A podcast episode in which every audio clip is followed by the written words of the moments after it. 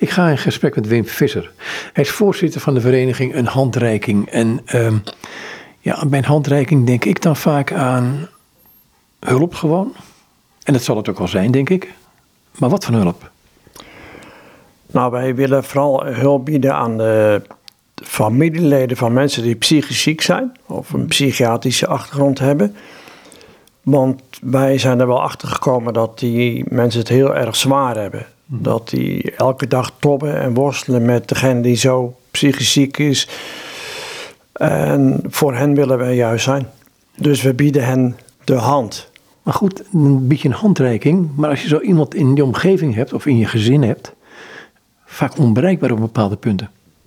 Ja, dat is ook heel erg zwaar hè, voor de mensen die naast zo'n psychisch zieke zijn, uh, staan. Maar juist daarom wil je er voor die mensen zijn en hen handvaten geven om met de psychisch zieke om te gaan. Dat is eigenlijk een van onze grote doelstellingen. Er zijn voor diegenen die het zo moeilijk hebben. En dat betekent dat wij zeker niet alle problemen kunnen oplossen. Dat, dat, daar zijn we ook niet voor geroepen. Maar je wil wel uh, een steun bieden, een, een douche in hun rug geven, er voor hen zijn.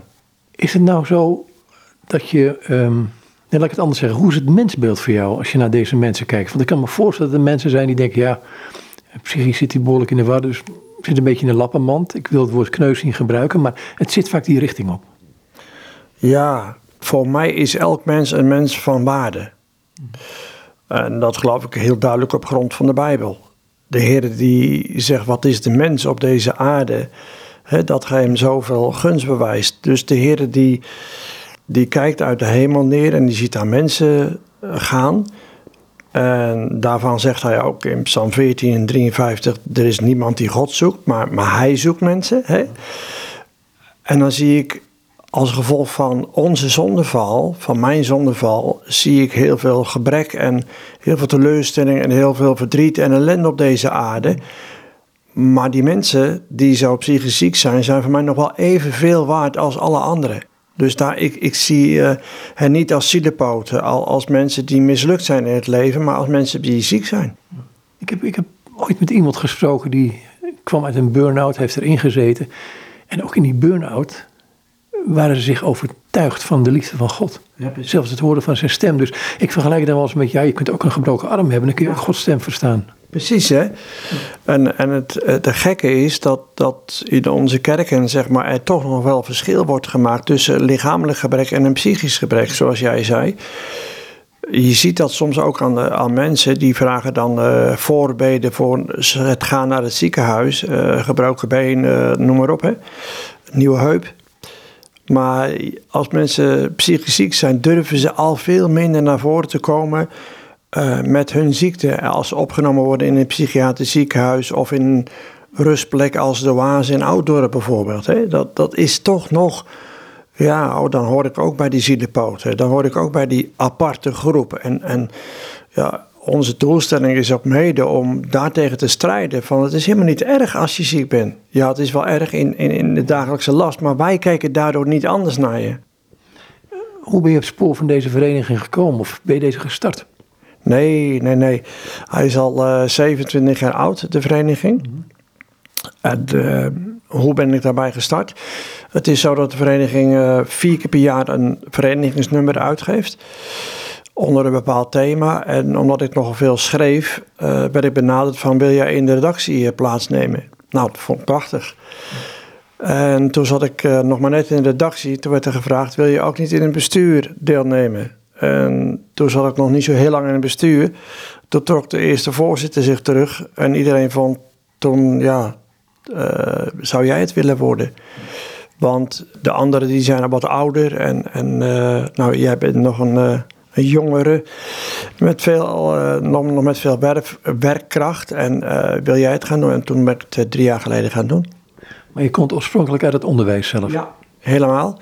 Ik ben in 1977 begonnen als onderwijzer. En dat heb ik al 2011 gedaan op verschillende scholen. Verschillende functies ook. Toen ben ik een jaar gaan studeren voor coach. En toen ben ik een eigen coachingspraktijk begonnen in 2011 tot afgelopen eh, januari. Maar, maar Als je bij zo'n vereniging komt, zit er in jou ook een geschiedenis? Ehm, ja. Uh, ik, ik, weet wat het is om een depressie te hebben. Ik heb uh, een behoorlijke depressie gehad. En daar middels hulp zeg maar, van uh, een psychiater en psycholoog ben ik middelijkerwijs daardoor door hun hulp er weer een stuk bovenop gekomen. Ik heb ook ja, iets heel naars in mijn leven meegemaakt, iets traumatisch. Ik heb daarvoor ook EMDR e gehad.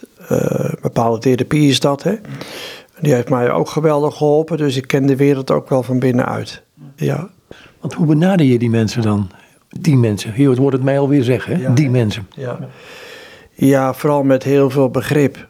Eh, veel luisteren, veel uh, doorvragen, uh, geen oordeel hebben, maar vooral een soort empathisch naast ze zitten en erkennen dat ze een probleem hebben. En dat probleem is vaak veel groter dan dat wij als buitenstaander kunnen zien. En daarom is het zo goed om naar ze te luisteren en ook te luisteren naar wat ze niet zeggen. Tussen de regels door, als ik het zo mag zeggen. En er dan vooral in, in liefde en in trouw zijn voor ze. Vooral ook, ook in trouw, dat, daar zet ik een streepje onder. Als je hem bezoekt, dan is dat best wel eens moeilijk.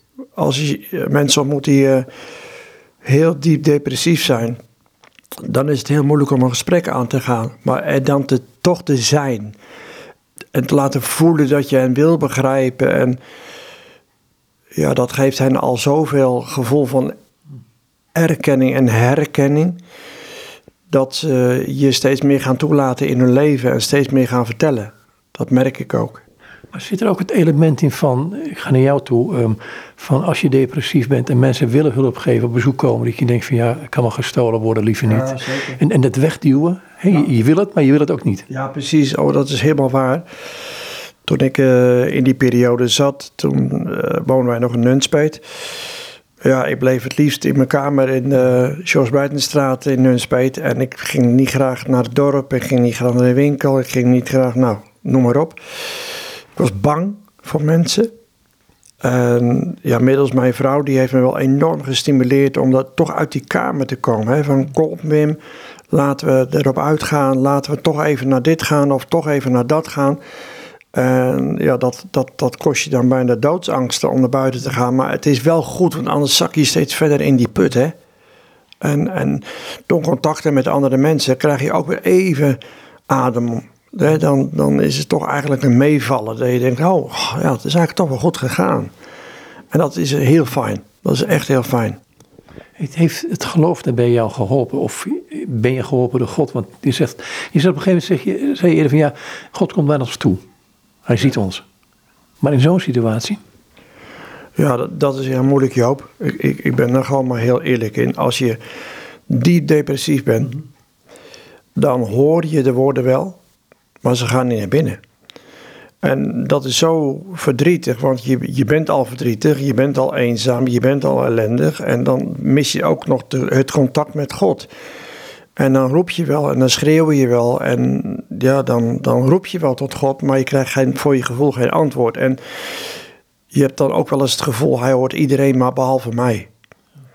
En, en wat mij daarbij wel geholpen heeft dat als, als je de psalmen gaat lezen, je bijna, nou ik overdrijf niet, maar bijna in alle psalmen vind je wel iets van klacht en jubel. En sommige psalmen die, die eindigen ook echt in de klacht. Ik heb eh, onlangs een boekje geschreven, dat komt nu binnenkort uit over psalm 88 en dat eindigt met het woord duisternis. Dus daar zie je in het begin van die psalm Asaf die roept naar God, of Heeman is het, die roept naar God en uh, hij vertelt iets over zijn gebedsleven en hoe hij de Heer aanroept. Maar, en dan zegt hij zelfs mijn, zalig maken, hè, mijn Jehovah. En het eindigt met duisternis.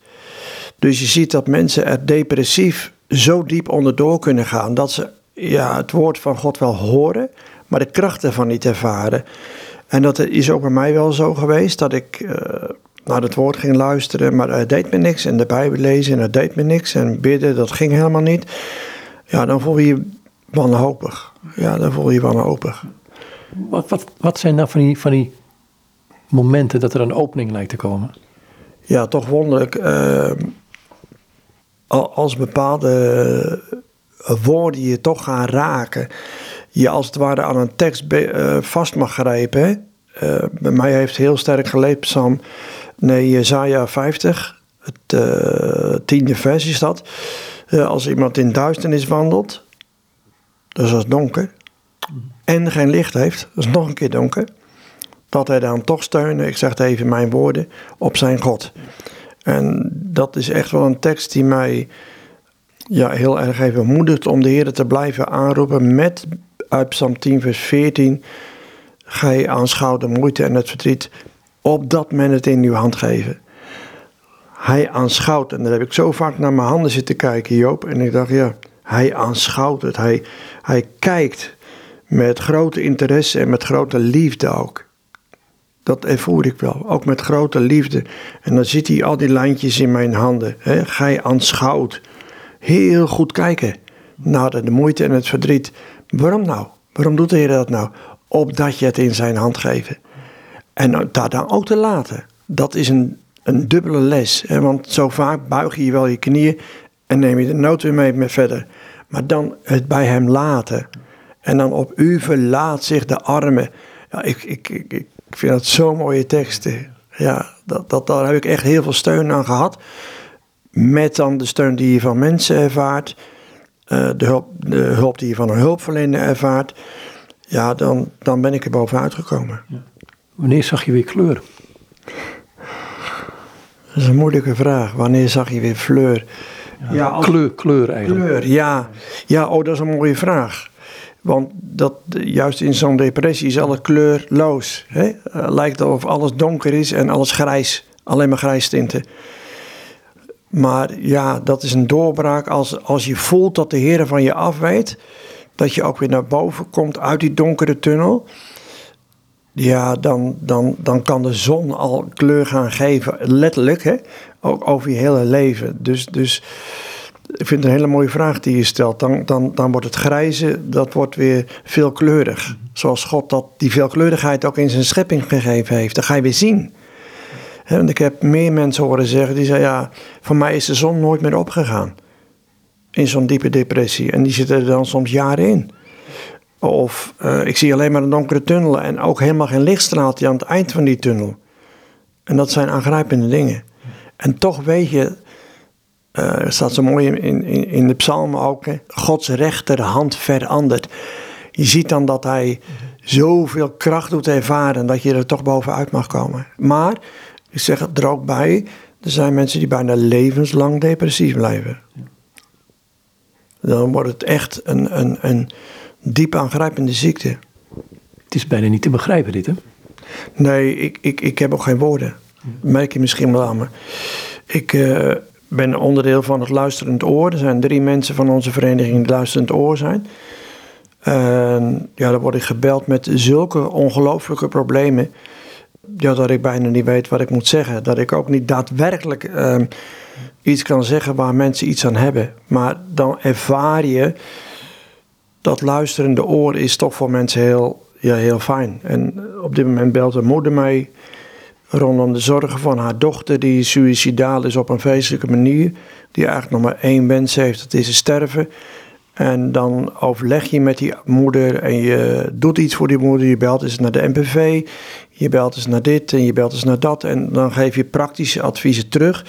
Dan ben je heel blij dat je daarvoor gebruikt wordt. Maar tegelijk als de telefoon neergaat, dan, dan, dan, dan blijf je wel zitten met een enorm stuk verdriet. Wat is er toch een ellende, op? En wij zien er maar een topje van, vaak hè. Hoe verder heeft gebed daar invloed op? Of zeg je van ja, want ik hoor mensen wel zeggen, ja, die gaan bidden met mensen met psychische problemen. Ik vind het prima, geen probleem mee. Maar er zijn momenten dat het, dat het heel erg werkt, maar ook momenten dat het, ja. Ja, er zijn ook momenten dat het voor je waarneming niets helpt. Ehm, dat je moet zeggen, ik roep wel, maar hij antwoordt niet.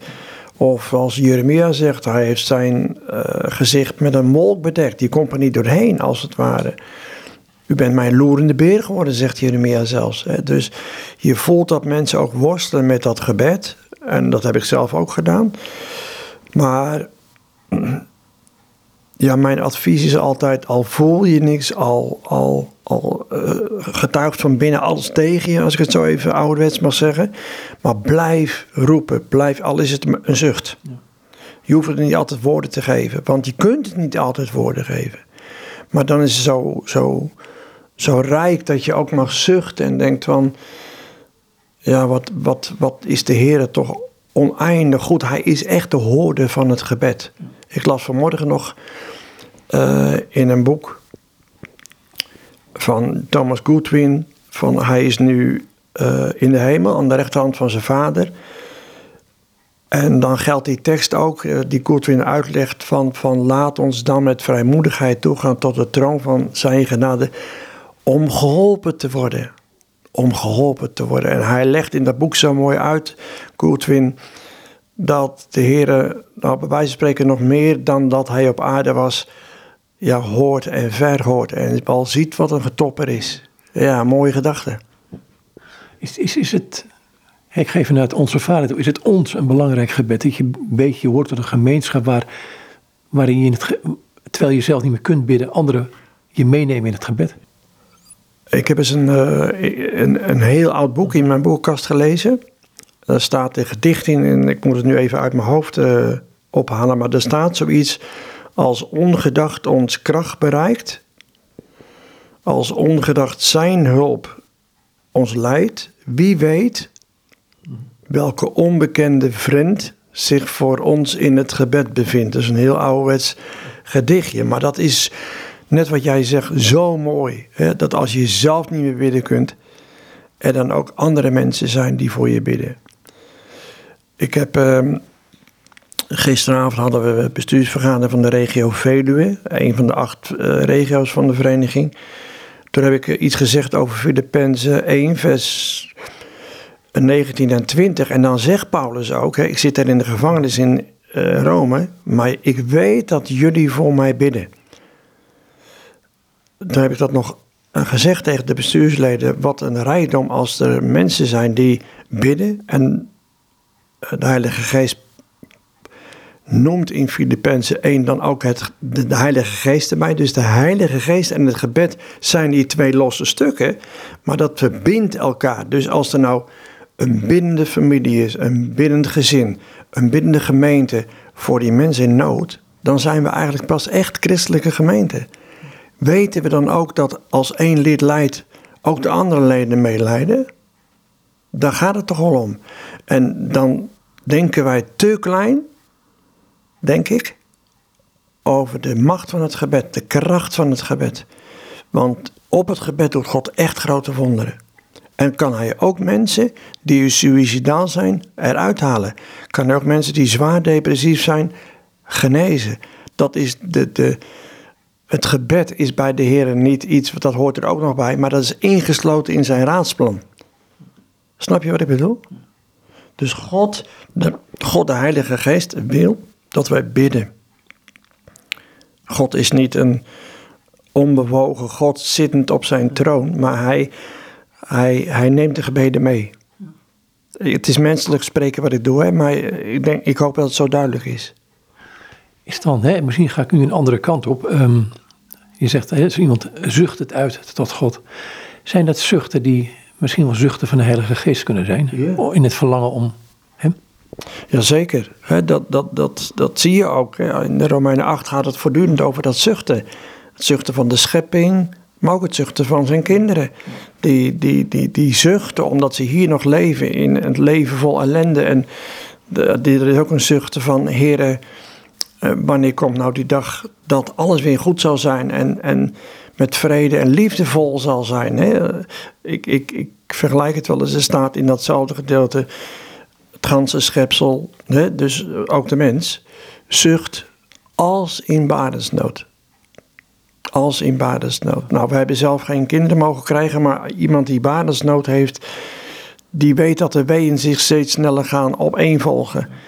En die weet dan ook van, maar aan het eind, daar ligt iets moois. En ik denk dat dat, dat ook is, hè, van soms kun je niet meer uh, uiten dan een zucht. Maar die zucht Net wat jij zegt, die kan de Heilige Geest in ons hart leggen. En die wordt dan gehoord bij de Vader. Ik heb ooit bij een schrijver dit gelezen, maar ik wijk nu helemaal af van dit, dit, dit gesprek. Die zei: Op het moment dat jij tot God zegt help, dan is het al een antwoord op het verlangen van God in jou. Ja, ja, ja, ja. Eer zijn roepen, zal ik antwoorden. Ja, dat laat mij alleen maar zeggen dat God zo oneindig goed is voor mensen die het totaal niet verdienen. Terug naar um, zijn moederbeltje met een suicidale dochter. En zo zijn er veel meer gevallen die je, of mensen die je aan de telefoon krijgt, die. In hoeverre is de schuldvraag daar belangrijk? Of is de schuldvraag, komt die aan de orde van, is mijn opvoeding, is het de manier geweest waarop? Of, eh, een beetje, moet een beetje in de woorden van Jezus denken van, um, um, dat discipelen ook vragen, wie heeft er gezondigd, hij of zijn ouders? Um, schuld en schaamte zijn twee woorden die ik heel veel hoor. Natuurlijk ook wel een beetje te begrijpen. Hè? Jij vertelde net dat je zeven kinderen hebt. Als er met een van de zeven iets misgaat, dan ga je altijd denken als vader: heb ik dat nou wel goed gedaan? En zeker mensen, eh, moeders, vaders die eh, een kind hebben met depressie of met, nou, uh, noem maar op, wat voor psychische ziekte ook, die vragen zich af: wat had ik anders moeten doen? Die schamen zich, die, die voelen ook een stukje schuld. en dat is eigenlijk wat je in telefoongesprekken heel veel terug hoort. Van hadden we toen maar meer gezien dat het helemaal niet goed ging, hadden we daar maar meer in, uh, invloed uitgeoefend, hadden we ze maar eerder naar de hulpverlening laten gaan, hadden we maar eerder, nou zo hè, allemaal van die zinnen hadden we maar eerder.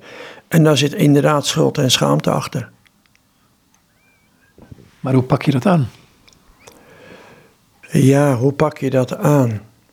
Is er altijd er is geen oude paar wat volmaakt is. Er is niemand die zegt, nou, ik heb een, echt een diploma gehaald voor het opvoeden. Ehm, in, in, onze kring denk ik dat wij heel sterk leven uit leer de jongen de eerste beginselen. Naar de eis van zijn weg. En als hij oud geworden uh, zal zijn, dan, dan zal hij daarvan niet afwijken. En dan doen wij ook, denk ik in zijn algemeenheid gesproken, wel wat we moeten doen. wij geven onze kinderen een opvoeding op grond van Gods woord. We, we vertellen, we, laten ze naar de kerk gaan, noem alles maar op. Allemaal positieve dingen. Allemaal dingen die je als het ware in dat hart van een kind werpt. Maar we leven in een gebroken wereld, Joop. We leven echt in een gebroken wereld. Dus de gevolgen van mijn zonde in het paradijs zijn zo groot dat er, um, en al bij kinderen, of bij jongeren, of bij ouderen, toch, toch de gevolgen daarvan zijn, van die zonde. En dat is onder andere dan ook een psychische ziekte. dat, ik probeer tegen ouders altijd te zeggen: natuurlijk had je dingen beter kunnen doen. Maar had u het dan voorkomen?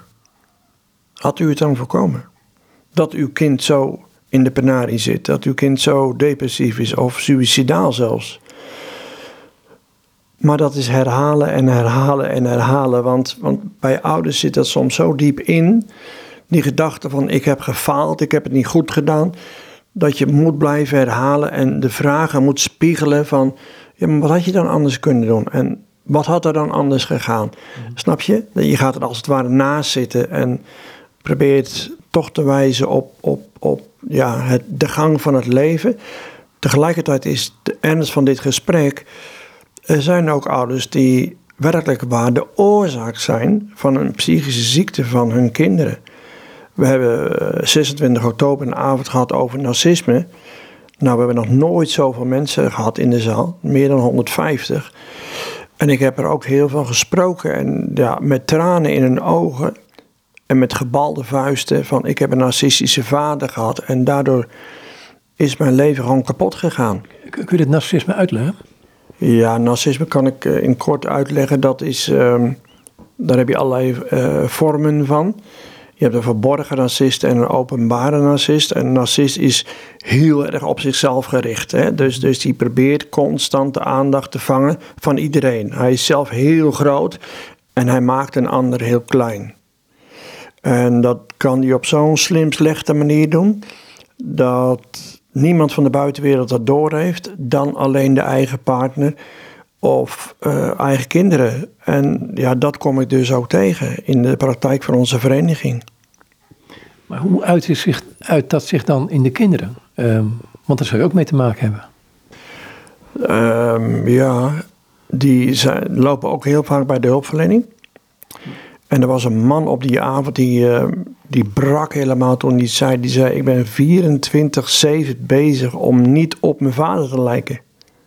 Ik ben 24-7 bezig om niet op mijn vader te lijken. Dus dat, toen brak hij. Dat gaf, gaf, gaf ja, ook heel veel emotie in de zaal. Want dat was natuurlijk een hele eerlijke blijdenis. Van ik wil niet op mijn vader lijken. En dus, dus dat is heel moeilijk. Want er komt uh, het vijfde gebod komt dan aan de orde. Hè, van mag ik wel zo tegen mijn vader staan? Want gij zult uw ouders toch nederig eren. Uh, ja, er komt er heel veel komt er op het spel te staan, op spanning te staan.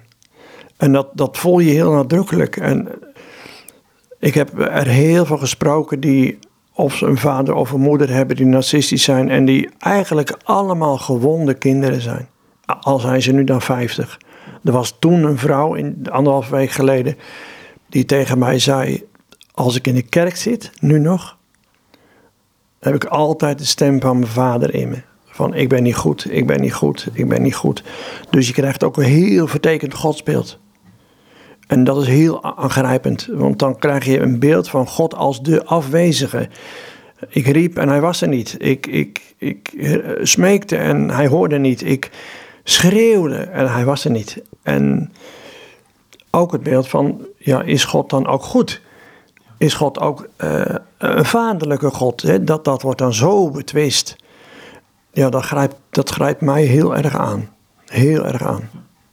Is, is dat, wat je zegt, is een zaal vol. Um, kun je nog een paar voorbeelden geven wat mensen daar zeiden, zonder een privacy te schenden hoor, dat hoef ik over niet. Nou, die zeiden onder andere van, um, ja, je krijgt, als je een man, even, even laat ik het voorbeeld noemen van een man, als je met een man getrouwd bent die narcist is, dan uh, verdwijnt jezelf. Dus je eigen identiteit gaat er helemaal aan zij zeiden ook, je krijgt zo'n man nooit in een behandeling, bijna. Terwijl de sprekers die hadden er wel in hun behandelkamer, maar dat zijn dan denk ik wat minder erge narcisten. Maar als je een echte diepe narcist bent, dan zeg je tegen je vrouw, nee maar ik ga niet in behandeling, maar jij moet in behandeling. Want jij bent gewoon niet goed op dit terrein en dat terrein en zus terrein. Dus je, je, je, je, je ziet dat ze alles omkeren, maar het, eigenlijk de identiteit van de ander vernietigen. En dat soms met een hele lieve uh, buitenkant, maar van binnen moordend. Een uh, psycholoog zei eens tegen mij: een, nas, een narcist gaat net zo lang dood tot je dood bent. Geestelijk dood of lichamelijk, maakt hem helemaal niet uit. En dat doet hij nog met de Bijbel in zijn hand. Wordt, wordt het een soort, een soort vrome geloofsfanaten? Ik zeg het lelijk. Ja, zeker. Nee, heel mooi. Dat, die zijn er. Die kunnen praten als brugman en die hebben de Bijbel in de hand uh, op de meest uh, wonderlijke momenten, zeg maar. En die komen ook altijd met teksten uit Gods woord. Maar voor een echte narcist, hè Joop, las ik pas over een echte narcist, las ik in het Nederlands Dagblad. Ik heb maar één advies, die man. Dat is, maak dat je wegkomt. Dus maak dat je wegkomt van een narcist. Neem innerlijk afstand van ze, want ze zijn moordend in hun gedrag. Maak dat je wegkomt. Goed, dan moet ik, moet ik denken aan een uitspraak die bij Dostoevsky tegenkwam. Het is gewoon het feit van, hoe doorbreek je dat liegen tegen zichzelf? Want dat doen ze ook in wezen. Jazeker. Maar dat is dus het, het, het, het, het, wat in de zaal ook bleef hangen van, we hebben het allemaal geconstateerd. We weten er allemaal van. Hè. Er waren heel veel mensen die er nooit waren. Dus er waren echt mensen die ervaringsdeskundig waren. Maar die zeiden, ja, maar hoe nu verder? Hoe, hoe moet je met deze man of met deze vrouw verder? Ik zou het niet weten, want bijna in één huis wonen gaat bijna niet meer. Maar ja, echtscheiden krijgen de kerkraad op mijn dak. Want die zegt van, uh, ja, je mag niet scheiden, alleen bij overspel. Dus dat, dat, dat, daar willen wij, hebben gisteravond ook besloten, een uh, vervolgvergadering op gaan geven.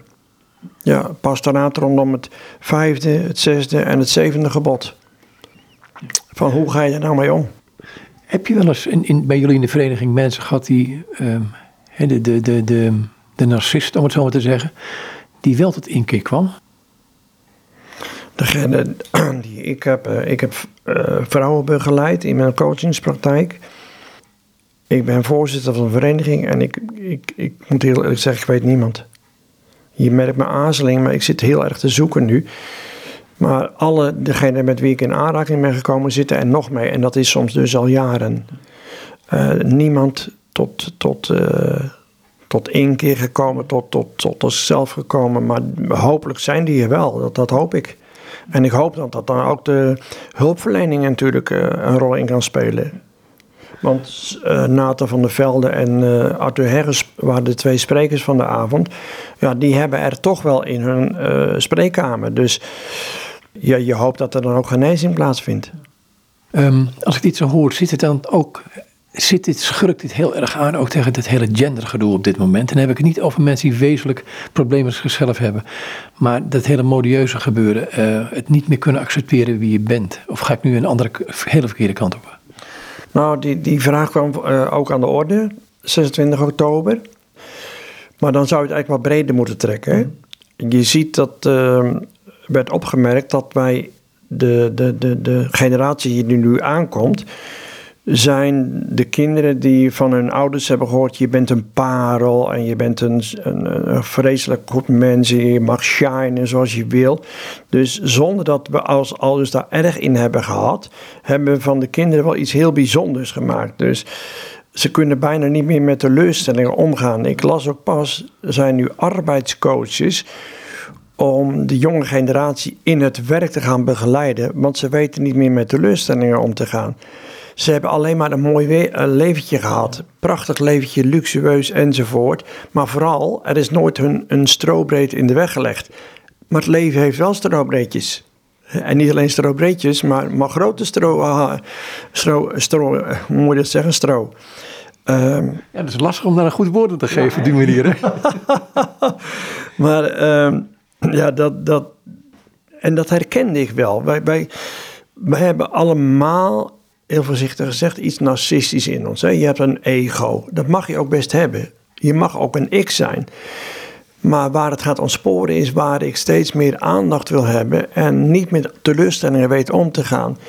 En ik denk dat daar ook bij hoort, wat jij net als onderwerp aanvoert, die hele genderideologie. Van je moet maar luisteren naar wat mensen te zeggen hebben. De jeugd bepaalt het. Hè? En, en je ziet ook steeds meer dat er ook in de Tweede Kamer bijvoorbeeld uh, wordt gezien van ja, deze jongelui zijn zo nog in de groei naar een stukje volwassenheid. Kunnen ze al beslissingen nemen die hun hele leven aangaan. Maar dat, dat heeft alles te maken met dat, het kindbeeld. Dat wordt zo mooi opgezet. Je bent zo ja, het uitgangspunt van alles bijna. Dat, dat, dat we daardoor de jeugd ook wel verknoeien. Ja, dat ben ik wel met je eens, denk ik. Um, ik moet denken, aan, aan het hele rapport van uh, Ariep, die, die Kamervoorzitter. Ja. En er werd onder andere in gezegd, en ik schoot meteen in de lach. Um, ja, ze heeft zeven keer, zeven keer een grote mond gegeven iemand en zes hebben een traumatische ervaring overgehouden. Ja, denk ik jongens, gekker moet het niet worden. Nee, gekker moet het echt niet worden, want dit, hier, hier ga je... Uh, nee, ik kan, hier, ik kan er geen zinnig woord meer over zeggen, maar ik vind het een gek voor woorden. Ja, precies. Nee, ik ben het water met je eens. Ik heb dat ook gevolgd. Ja, zijn we nog volwassen? Nou, die vraag stel ik me dan. Hè. Ben je nog wel volwassen of ben je gewoon een, een soort... Ben je nog niet eens door die puberfase heen? Ja, precies. Ik uh, herinner mij, dat was in 1978 of 79. Toen werkte ik nog op de Augustineschool in Papendrecht. Hadden we een ouderavond en daar sprak uh, een man uit Lisse. Ik ben even zijn naam kwijt. Een uh, psychiater en die zei, zijn er nog wel volwassen mensen. En dat is dus toen geweest. En nu is 2023. Dan zijn we verder. Hè? Eh, maar die vraag ben ik nooit meer vergeten. Zijn we nog wel volwassen? Of kunnen we helemaal niet meer tegen een tegenslag? Kunnen we met teleurstellingen niet meer omgaan? Het leven brengt toch teleurstellingen? Dat zouden we toch kunnen weten? Maar zijn we daar ook voor gewapend? En gaan we daar ook doorheen? Of, of uh, klappen we gelijk in elkaar? Dat, hè, hoe sterk zijn we? En wat draagt de opvoeding daartoe bij? Dat zijn wel wezenlijke vragen. Ja, ik, merk, merk het op een ander terrein. Ik ga weer terug naar wat je eerder in het interview zei. Um, dat Jezus aan de rechterhand van de Vader zit. Um, hij is het hoofd van het lichaam, de kerk. Nou, wij zijn deel van het lichaam. dan denk ik, nou, dat lichaam leidt nog steeds. Zeker. De wonden zijn daar. Ja, zeker. Zeker, daar ben ik van harte met je eens. Er wordt zoveel uh, afgeleden. Hoe moet ik het nou zeggen? Wij, wij hebben, misschien mag ik dat wel even erbij zeggen, de laatste twee jaar een buitengewone groei van de vereniging meegemaakt. Dat is heel kwalijk eigenlijk. Ja, in zekere zin dus wel. Dus daarom kunnen we ook niet vol trots zeggen van oh, we zijn zo hard gegroeid. Maar we zijn natuurlijk wel blij dat we meer bekendheid hebben gekregen. En, uh, maar achter al die uh, eh, 510 leden, laat ik het maar even zo zeggen, zit natuurlijk een verhaal. Mensen worden niet zomaar lid van een handreiking. Als je, als je kijkt naar de laatste avond, dat was dan regio Veluwe. 150 mensen zeiden kosten minimaal. Dat was op dezelfde avond plus de dag erna 500 keer nagekeken. Meegeluisterd en nageluisterd. Dus dan heb je op zo'n avond alleen al zeg maar zo'n bijna 600 mensen, 650, die met dit onderwerp uh, toppen. In uh, Zeeland, regio Zeeland, was een avond over burn-out. Het onderwerp wat jij net aansneed. Er waren ook zo'n beetje 100 mensen. En ook 500 keer meegekeken. Dus dan noem ik even maar twee avonden. En wat een belangstelling is er dan. En belangstelling is ook, ik wil er meer over weten. Ik zit er middenin. Ik heb zo'n probleem. Hoeveel weten we nog niet? Zit er nog onder de radar? En dan zien we alleen maar wat naar boven, naar boven drijft. Maar wij gaan ervan uit dat het nog vele malen erger is. Wat is jullie werkterrein? Mag ik dat zo even zeggen? Wij hebben mensen in ons comité van aanbeveling zitten vanuit uh, de oude hervormde bond, laat ik maar zeggen. Vanuit Christen Middenkerk, vanuit de Griffen Gemeente, vanuit uh, Gemeente, Griffen Gemeente in Nederland. Ja, wat vergeet ik dan nog? Dus zeg maar de rechterkant van de reventorische gezinten, die, die komen meestal op de, onze avonden. Alhoewel de laatste avond in uh, Nunspeet hadden we ook geflyerd in een huis aan huisblad. En er waren ook heel veel mensen, denk ik, die niet uh, van de Bijbel af wisten. Maar er wel waren om het thema. Ja. ja. En die zijn ook hartelijk welkom. Ja. Je, hebt het, je hebt het over uh, enerzijds de, hey, je hebt het, dat narcisme, dat is een enorm probleem. Um, burn-out met mensen doorheen gaan. En wat zijn nog meer van die aspecten? Ik las op jullie site dat het ook autisme bijvoorbeeld is. Ja, daar hebben wij ook belang, uh, natuurlijk belangstelling voor. En in, in onze vereniging zitten ook mensen die met autisme te maken hebben. Uh, we hebben wel een soort uh, vriendschapsovereenkomst. Gesloten met Helpende Handen. Dat is ook een belangenorganisatie. Die zich de laatste jaren behoorlijk hebben verdiept in autisme. Dus we hebben gezegd: onderwerpen rondom autisme laten vooral bij Helpende Handen. Maar dat speelt zeker. ADHD, borderline. Ja, wat nog meer? Depressie heb ik al genoemd, burn-out moet je er ook bij nemen. Kinderen van ouders die een psychische stoornis hebben, dat noem je kopkinderen, hebben we aandacht voor. We hebben uh, aandacht ook voor de psychische kant van rouw. Dus uh, rouw kan ook een psychisch effect hebben. Vanavond is daar een lezing over in Wageningen. We komen ook best veel mensen in onze achterban tegen die last hebben van psychoses. Mensen die manisch zijn, uh, manisch depressief. Dus allerlei vormen van depressiviteit. En het hele spectrum zou je ook op onze site kunnen vinden. Waar de ziektebeelden in staan waar wij aandacht voor hebben. En die wij ook in onze verenigingsnummers bij voor herhaling voorbij laten komen. Wat, wat is jullie site? www.eenhandreiking.nl Daar zie je op dat wij een landelijk bestuur hebben ik noem dat altijd de paraplu. Hè, die zorgen voor de organisatie, voor de financiën, voor uh, uitbreiding van regio's enzovoort. En daaronder hangen onder die paraplu acht regio's. Mag ik ze even noemen? Dus uh, regio Friese Walden. Die heb in de Friese Wouden heb je een aantal hervormde en andere gemeentes. Die doen eigenlijk alles met elkaar. Een klein clubje. Maar ik vind het zo mooi om dat te noemen. Op de laatste avond die we daar hadden, waren er 75 mensen uit zo'n klein gebied. Dus je ziet dat daar mensen, ja, als we nou in Driesen wonen of in Wouterswoude of noem maar even maar op, ze gaan allemaal naar alle avonden. Dat is prachtig om te zien. Dan regio Noord, dat is rondom Staphorst. regio Veluwe, dat is rondom Nunspeet. Uh, de Gelderse Vallei, dat is rondom Veenendaal en vanavond Wageningen.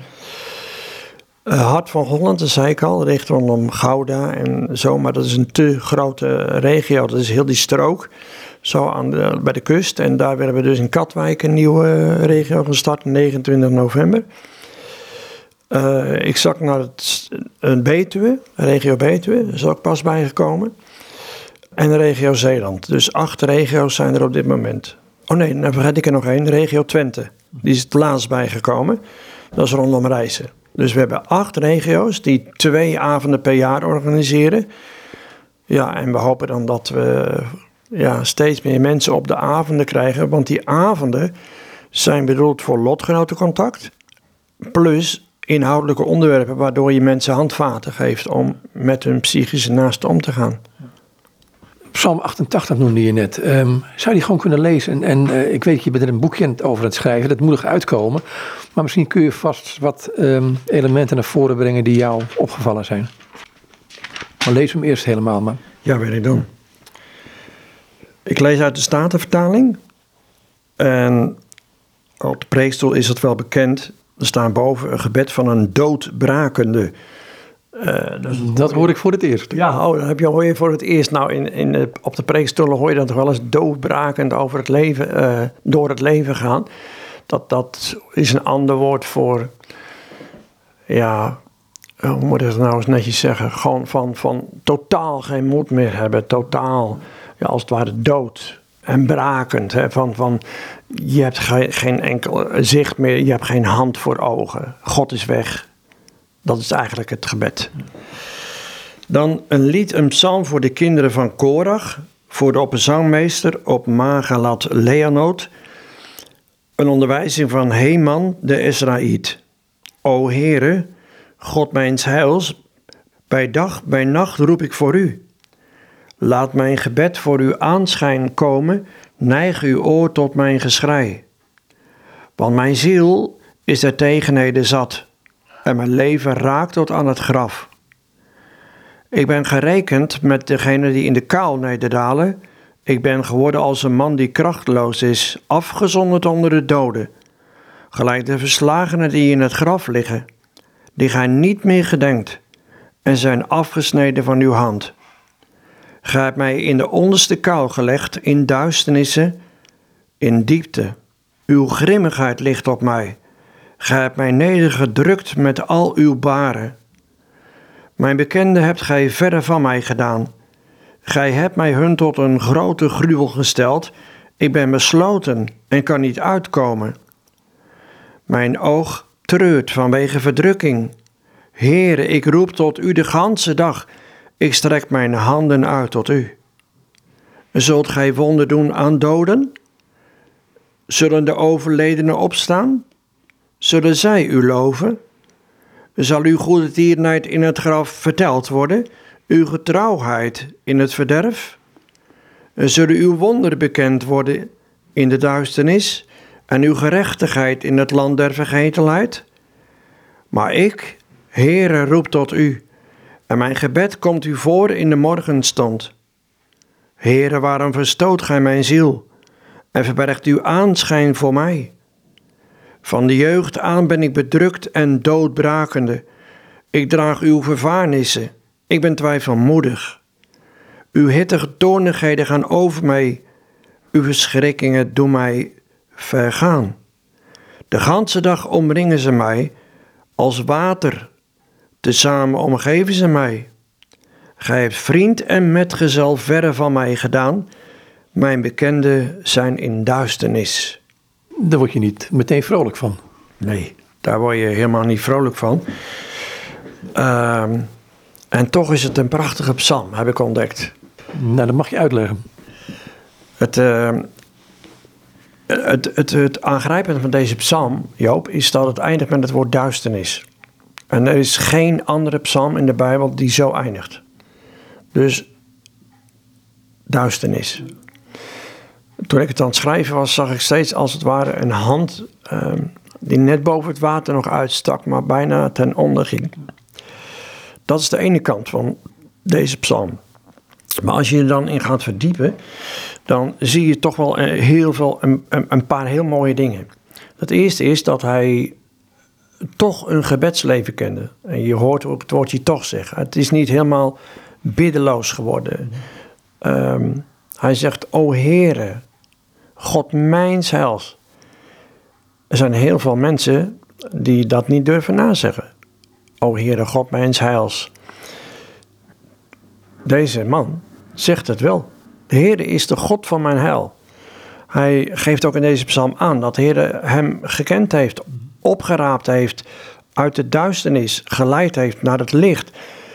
Hij spreekt goed van God en hij spreekt ook heel goed van zijn gebedsleven. Hij zegt, ik smorgens roep ik tot u, smiddags roep ik tot u, s'avonds roep ik tot u.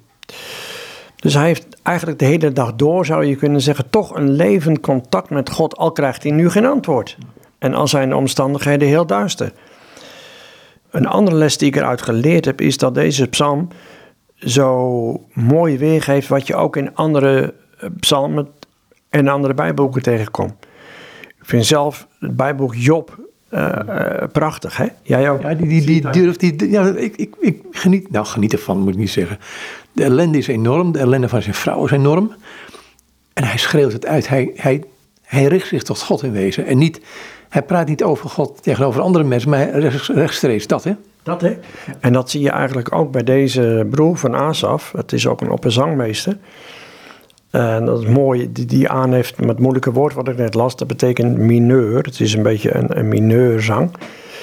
Uh, dus het werd ook gemaakt voor de tempeldienst om een beetje in mineur gezongen te worden. Nou, dat moet wel een bijzonder geluid geweest zijn. Maar hij, hij, hij vergelijkt zich ook met Job. Hè? Want hij zegt, mijn vrienden en mijn bekenden zijn verder van mij. En dat heeft Job ook ervaren. Die, die, al zijn vrienden gingen weg en zeiden, joh, de vrienden die hij had, die zeiden, vertel het maar Job, je hebt een grote zonde gedaan. En, ja, maar goed, die, die zaten wel zeven dagen doodstil bij hem. En dat vond, ik, dat vond ik al zoiets van, oeps, dus ze zaten er wel. En die jonge vriend die kwam het later, maar goed. Ja, ze zaten er wel. Dat is een hele mooie. En ze zeiden ook niks. En ik heb het altijd heel positief geduid, maar ik, ik las in de verklaring bij deze psalm 88. Waarom hebben die vrienden van Job niks geen troostrijke woorden gezegd? Dat vond ik ook nog wel een eye-opener. Maar goed, je ziet dat Job, die gaat er zo diep door. Die, die, die zit daar en uh, die zit daar met een potscherf zichzelf te schrappen. Maar hij, hij gaat toch in het begin nog goed van God spreken. Hij, hij spreekt toch goed van God. En aan het eind spreekt hij ook weer heel goed van God. En de Heer zegt zelfs tegen de vrienden van Job: Hij moet voor jullie gaan bidden. Hij moet een offer voor jullie gaan brengen. En dan staat er, want hij heeft niets verkeerds gezegd. Dat is toch wonderlijk, hè? Want hij heeft ook gezegd: Mijn geboortedag zijn vervloekt. Nou, je ziet dus parallellen met, met Job. Je ziet bijna parallel met uh, Asaf in Psalm 73. Hij is dus van mensen verlaten. En hij is van de situatie verlaten. En het lijkt of God hem verlaten heeft. Maar hij roept tot God. En hij spreekt toch goed van God. Alleen het wonderlijke in deze psalm is dat het wel in de duisternis eindigt qua tekst. Maar ga ervan uit dat Haman daaruit gehaald is. Uit deze situatie. En dat hij God, heeft weer, uh, God weer heeft mogen loven en prijzen en dienen met heel zijn hart. Want de Heere laat toch bij alle Bijbelheiligen iets zien van klacht en jubel en weer klacht en weer jubel en weer klacht. Om het te laten eindigen in een eeuwige jubel. Dat is toch waar. En dat zal ook bij Heman zo zijn. Maar deze psalm staat nou in de Bijbel voor mensen die ook geen doorzicht meer hebben die geen uitzicht meer hebben, die niet weten hoe het moet, die zich omringd weten door duisternis. En dan zegt de Heer, ja, maar ik zie deze worstelende man wel hoor. Hij zal niet ondergaan. Al zie je die hand misschien net boven het water uitsteken, hij gaat niet onder. Want daar zal ik van zorgen. Ik ben de trouwe God. Dat vond ik echt een van de mooiste lessen. En ik vind ook heel mooi, dat je, daar heb ik ook uitgebreid uh, over geschreven, dat er wordt wel gezegd, je moet niet waarom vragen. Terwijl deze psalm met andere psalm ons laat zien, schreeuw ze maar uit naar God. Laat God ze maar weten. Laat God maar horen hoe je topt en worstelt. En dat lees je ook in Klaaglieden 3, wat ik al aanhaal. Daar, staat toch ook van, hij is mijn loerende beer geworden. Hij heeft mijn mond verbrijzeld. Hij, hij, allemaal aanklachten als het ware tegen God. Maar in één keer verandert dat. En dan zegt hij, maar Gods trouw is groot. Elke morgen nieuw. Ik mag daarvan zingen. Het zijn de goede tierenheden van hem, die dat ik nog niet vernield ben. Dan gaat hij roemen en prijzen in God. En ik ben er diep van overtuigd dat de Heer ook in 2023 nog zo is. Ik moet bij het eerste gedeelte van jou denken, als je zegt, ja, je roept het uit, je schreeuwt het uit, de rondvragen. Ik denk, ja, God kan er wel tegen, denk ik. God kan er zeker tegen. En dat bedoel ik met heel grote eerbied. Maar op Golgotha klonk ook het waarom van zijn enige liefde zoon. Alleen hij had zich teruggetrokken. Hij had zich teruggetrokken van de zoon. En daarom hing hij daar in die drieurige duisternis. Maar met eerbied gesproken, ik denk toch dat het dat waarom van de Heer Jezus bij de Vader zo is binnengekomen. Van die innige relatie die er was. Alleen nu moest hij wel, ehm, ja, omdat hij het recht wilde volvoeren, zijn zoon verlaten. En ja, dan mag de Heer Jezus die waarom-vraag ook uitschreeuwen op Golgotha. En dat vind ik zo'n troost voor alle mensen die ook met die waarom-vragen lopen. Van Nee, je moet, vroeger zeiden ze dan, je moet niet vragen waarom, maar vooral waartoe.